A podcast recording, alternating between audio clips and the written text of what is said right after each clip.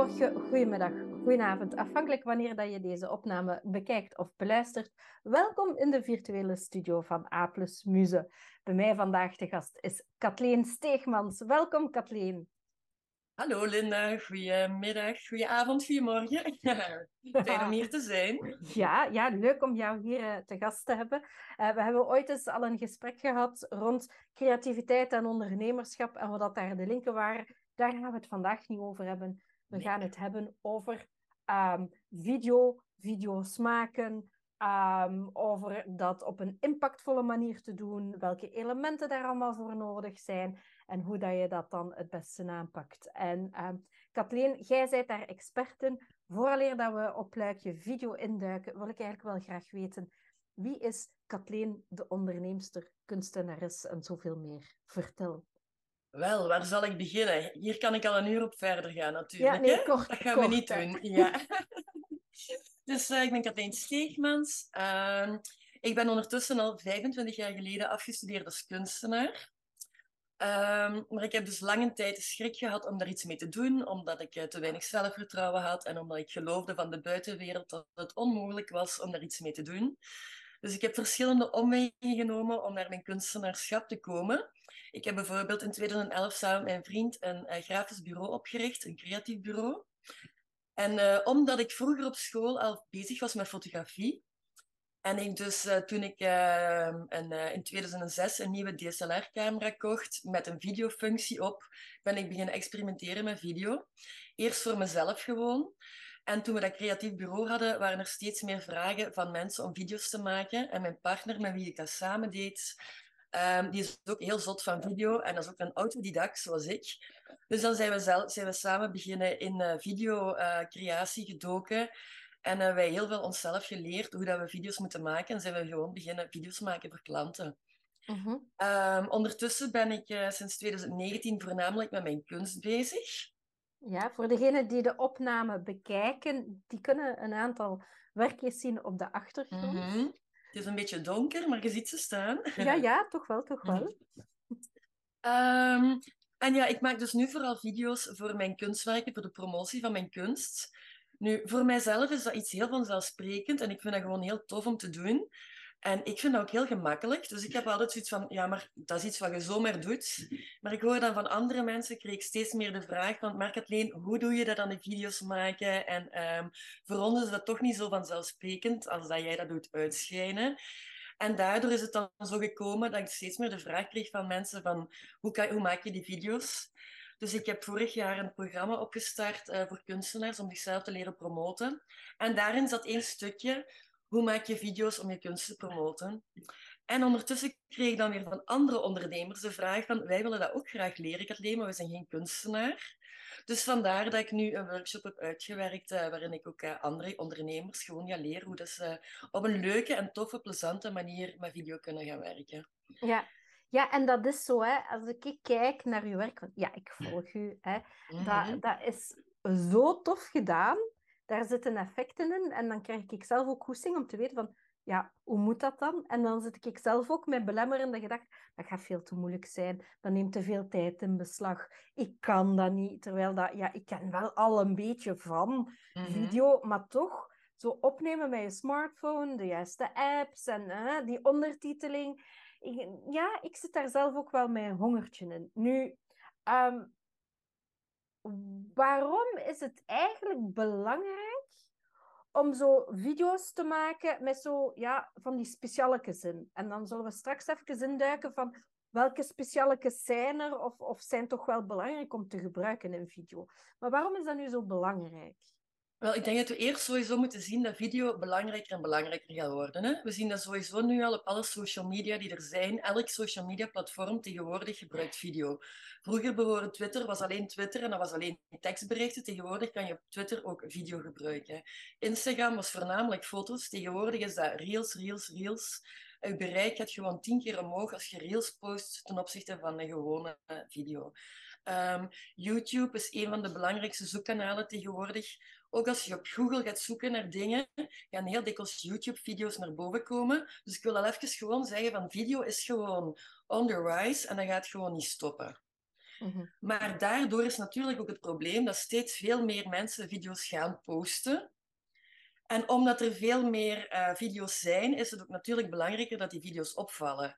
Want ja, vroeger kon tien, vijf jaar, nee, of drie jaar geleden konden nog zeggen: ik post een video en ik stel verder dan een hoop mensen.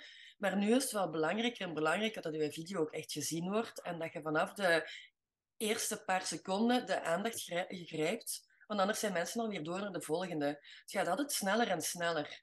Dus ik denk dat het gewoon heel belangrijk is. We hebben ook zoiets in de videodingen, zeker de online video's, als de drie seconden regel.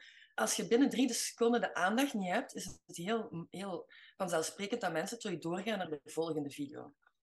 Dus um, ik denk dat daarom heel belangrijk is dat je video's beter en beter worden en dat je inderdaad visuele en auditieve dingen erin hebt steken, waardoor mensen blijven plakken en waardoor mensen de video gaan willen uitkijken. Ja, en dat is zo in communicatie, hè? first impression. Het duurt zes seconden hè, in een live contact vooraleer dat iemand anders een mening over u gevormd heeft. Hè? Like, dislike. kan zijn dat dat zelfs ook iets sneller gebeurt, hè? zeker in de tijd dat alles versnelt.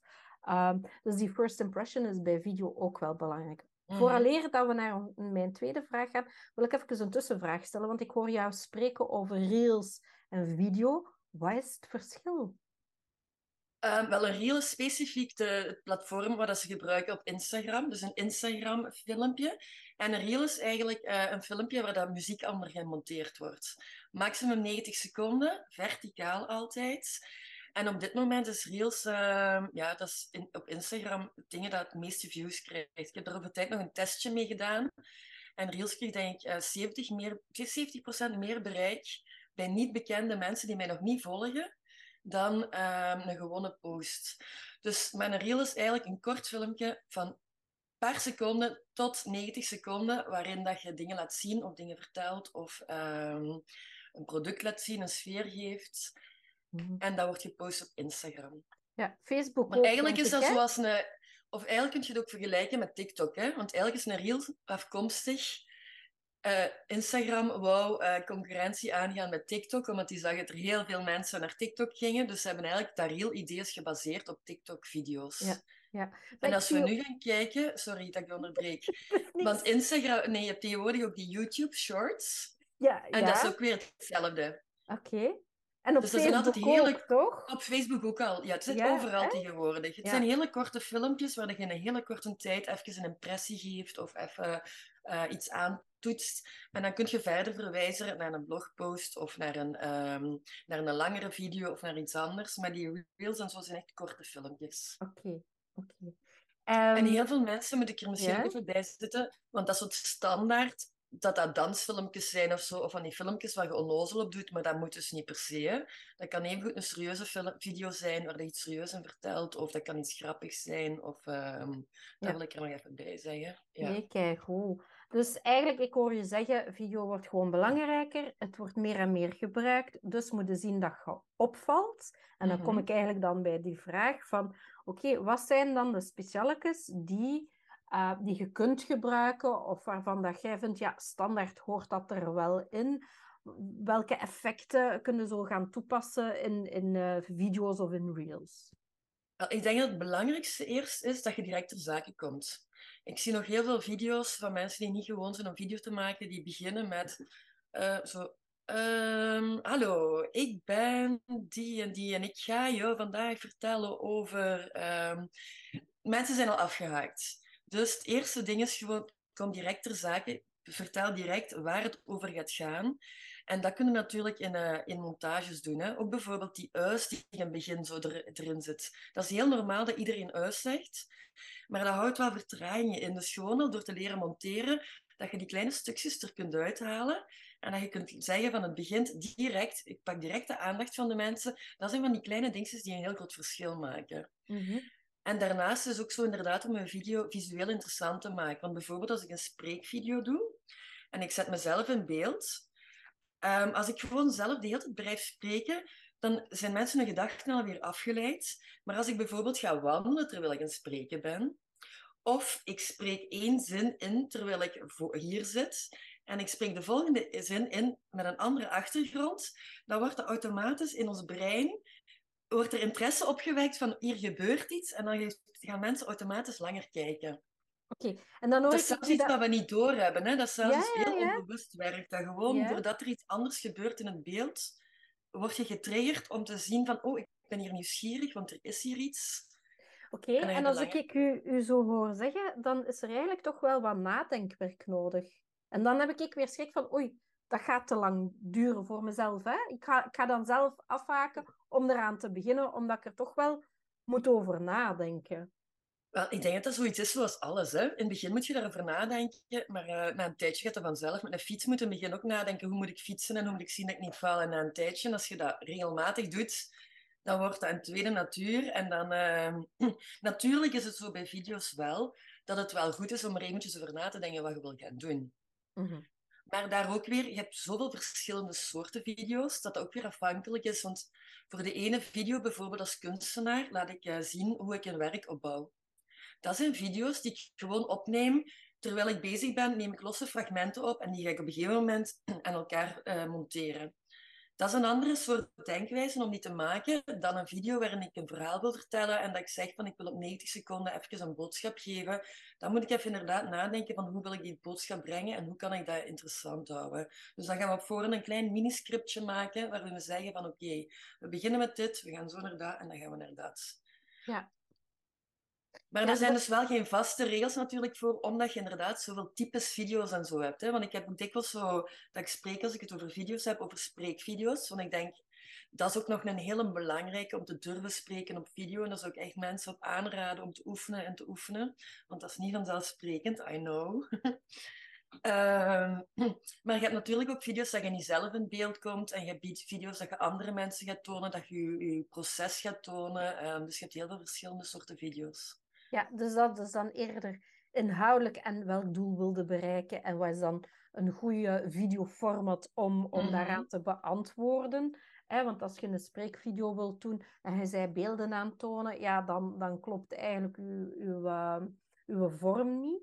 Ehm, ik, ik hoor u zeggen van hè, eh, andere standpunten, andere achtergronden, zodanig dat, dat de kijker ook geprikkeld blijft en nieuwsgierig blijft naar onbewust bewust van wat, wat gaat er nog komen. Mhm. Ehm, ik zie je soms ook zo effecten doen, zo van dat inzoomen, uitzoomen, ehm, teksten daarbij. En ik heb het dan niet alleen over ondertitels, maar ook zo animatie, eh, teksten. Ja, wat, wat zijn er zo nog van die speciale effectjes die je kunt toepassen om de aandacht erbij te houden? Al dat soort trucjes, dat zijn inderdaad visuele middelen om het interessant te houden. En dat werkt inderdaad heel hard op een onbewust niveau. Maar bijvoorbeeld als er iets inflitst ineens, ons brein wordt daar nieuwsgierig door. Die heeft zoiets van, oeh, hier gebeurt echt iets. ehm. Maar dat zijn eigenlijk allemaal simpele trucjes. Als je gaat leren met zo'n montage-appje werken, dan is dat gewoon op een knopje duwen. Hè? Dus, en je kunt er verschillende opties voor hebben. En ehm, dat zijn eigenlijk allemaal hele simpele dingetjes. Maar ik snap als je, dat niet, als je zo'n appje niet kent, dan is dat allemaal heel overweldigend als je dat open doet. Want je hebt er zoveel keuzes in, je hebt er zoveel mogelijkheden. Terwijl het eigenlijk allemaal gewoon middeltjes zijn om even de aandacht te trekken. Ik denk dat we daarop moeten focussen. Dat is Ja. het gewoon. Ja. En hoe, hoe dat je dat inzet, dat is ook een beetje ehm, hoe dat je esthetiek is. Hè? Wat vind je Ja. mooi? Ehm, Wat is uw stijl? Wat past uw bij stijl, uw ja. persoonlijkheid en dergelijke meer? Dus Maar hoor sowieso blijft het werken dat het onderbewust... Zo'n jump cut bijvoorbeeld, je ziet dat heel veel als je YouTube-video's gaat kijken. Die gaan ineens van hier, hup, naar daar. Of die gaan... Ineens komt je een gezicht heel dichtbij, heel eventjes. Soms, zo, je moet er soms zelfs op letten dat je het zelfs bewust niet merkt. Maar dat zijn allemaal dingen om de aandacht te houden. En even van, hier is een belangrijk stuk. Hoep, dat gezicht komt dichterbij. Dat gaat naar achter. En dan voelt je als kijker onbewust van, hier is iets dat ik extra moet opletten. Ja, ik hoor jou verschillende fases eh, spreken van zo een, een video maken. Eén, de voorbereiding, een plan bedenken, eh, weten wat dat je gaat doen, eh, wat dat je gaat zeggen en, en wat dat dan een ideale vorm is voor opname. Het Mhm. opnemen zelf, ehm, eh, wat dat dan gelinkt is met wat dat je plan is. Eh, maar vooral ook, ik heb de indruk dat er heel veel gebeurt tijdens het monteren. Hè? Die, Zeker weten. jumpkus is dan eigenlijk monteren. Dat is niet dat ik op voorhand moet denken van, ah ja, dat is mijn tekst en nu moet ik een Nee. ander eh, eh, camerastandpunt innemen. Dat kun je dus echt in de montage zelf doen. En dan is het natuurlijk, hoe meer dat je dat doet, hoe meer dat je op voorhand makkelijker gaat kunnen weten hoe dat je ook moet opnemen. Ja. En mijn doel dus, sorry, ik heb even, mijn doel dus met deze, met deze workshop is vooral, want ah, zo zie ik het, ik zie dat video maken als een deel van mijn creatief proces. En je kunt er echt super creatief mee zijn. Dus mijn doel van deze workshop is vooral om mensen te leren dat dat plezant kan zijn. En als je dat gaat leuk vinden, dan ga je graag video's willen maken. Heel veel mensen maken niet graag video's omdat ze aan niet weten hoe ze moeten beginnen. En omdat het overweldigend lijkt, het voelt als werk. En mijn doel is vooral, ik wil mensen leren dat dat gewoon plezant kan zijn en dat je daar echt creatief mee kunt zijn en dat je daarin kunt in, uh, uh, uitleven.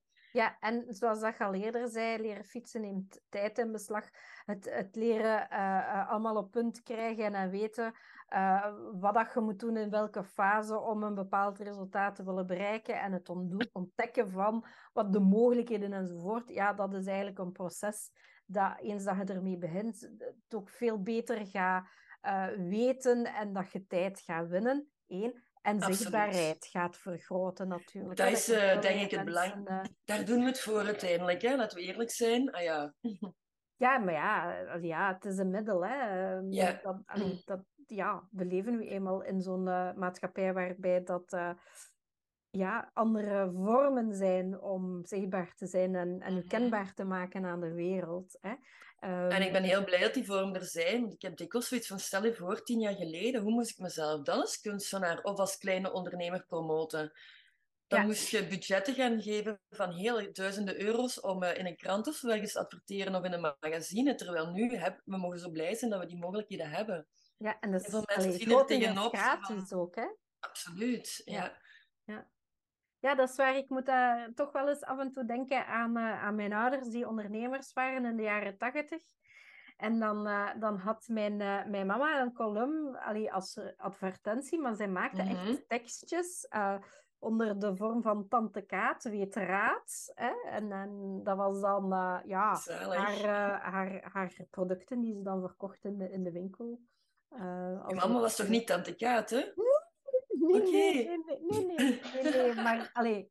Hè, ja, ja, in die stijl. Ja. kennen we, dus het was zo ja. in die stijl. Uh, ze had een drogisterij.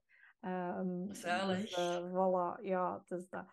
Um, ja, je spreekt al een tijdje over de workshop. Hè? Dus degenen die daar meer over willen weten, zullen dat in de show notes ook lezen, uh, waar de details te vinden en dergelijke meer. Um, maar misschien heb je wel een tip, hè, want ik heb zo al verschillende dingen gehoord. Um, wat moet er zeker in uw video? Wat is onontbeerlijk in uw video? Wat moet daarin zitten? Van um, ja, hè?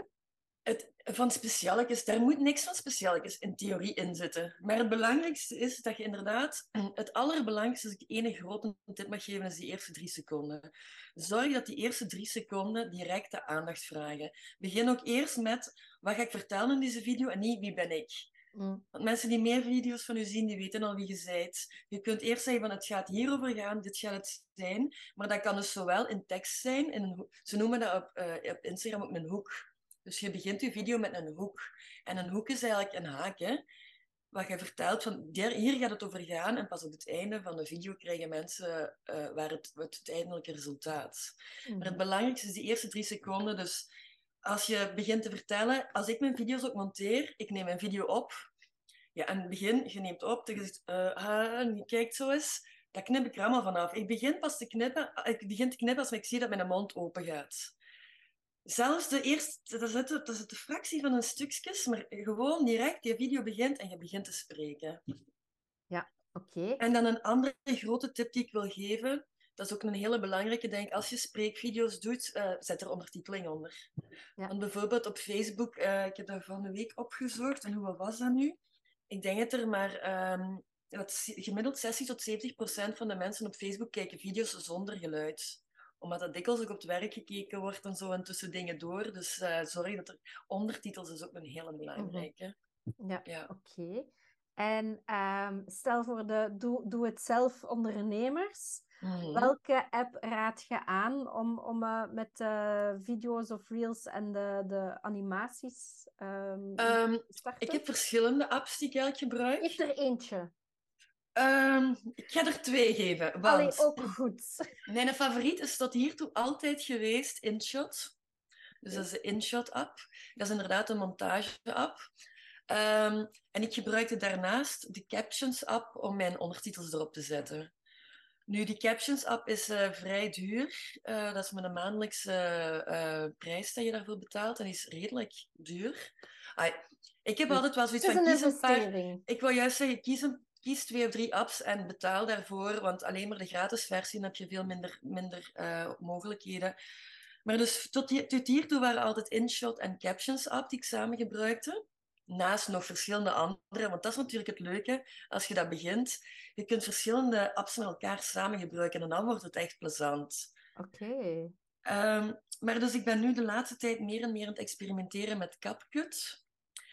En dat is, de reden daarvoor is omdat ze daar ook ondertitels in het, uh, rechtstreeks in het videoprogramma kan gebruiken. Ja, oké. En ik ben nu aan het experimenteren met de gratis versie daarvan om te kijken hoeveel ik daarmee kan doen.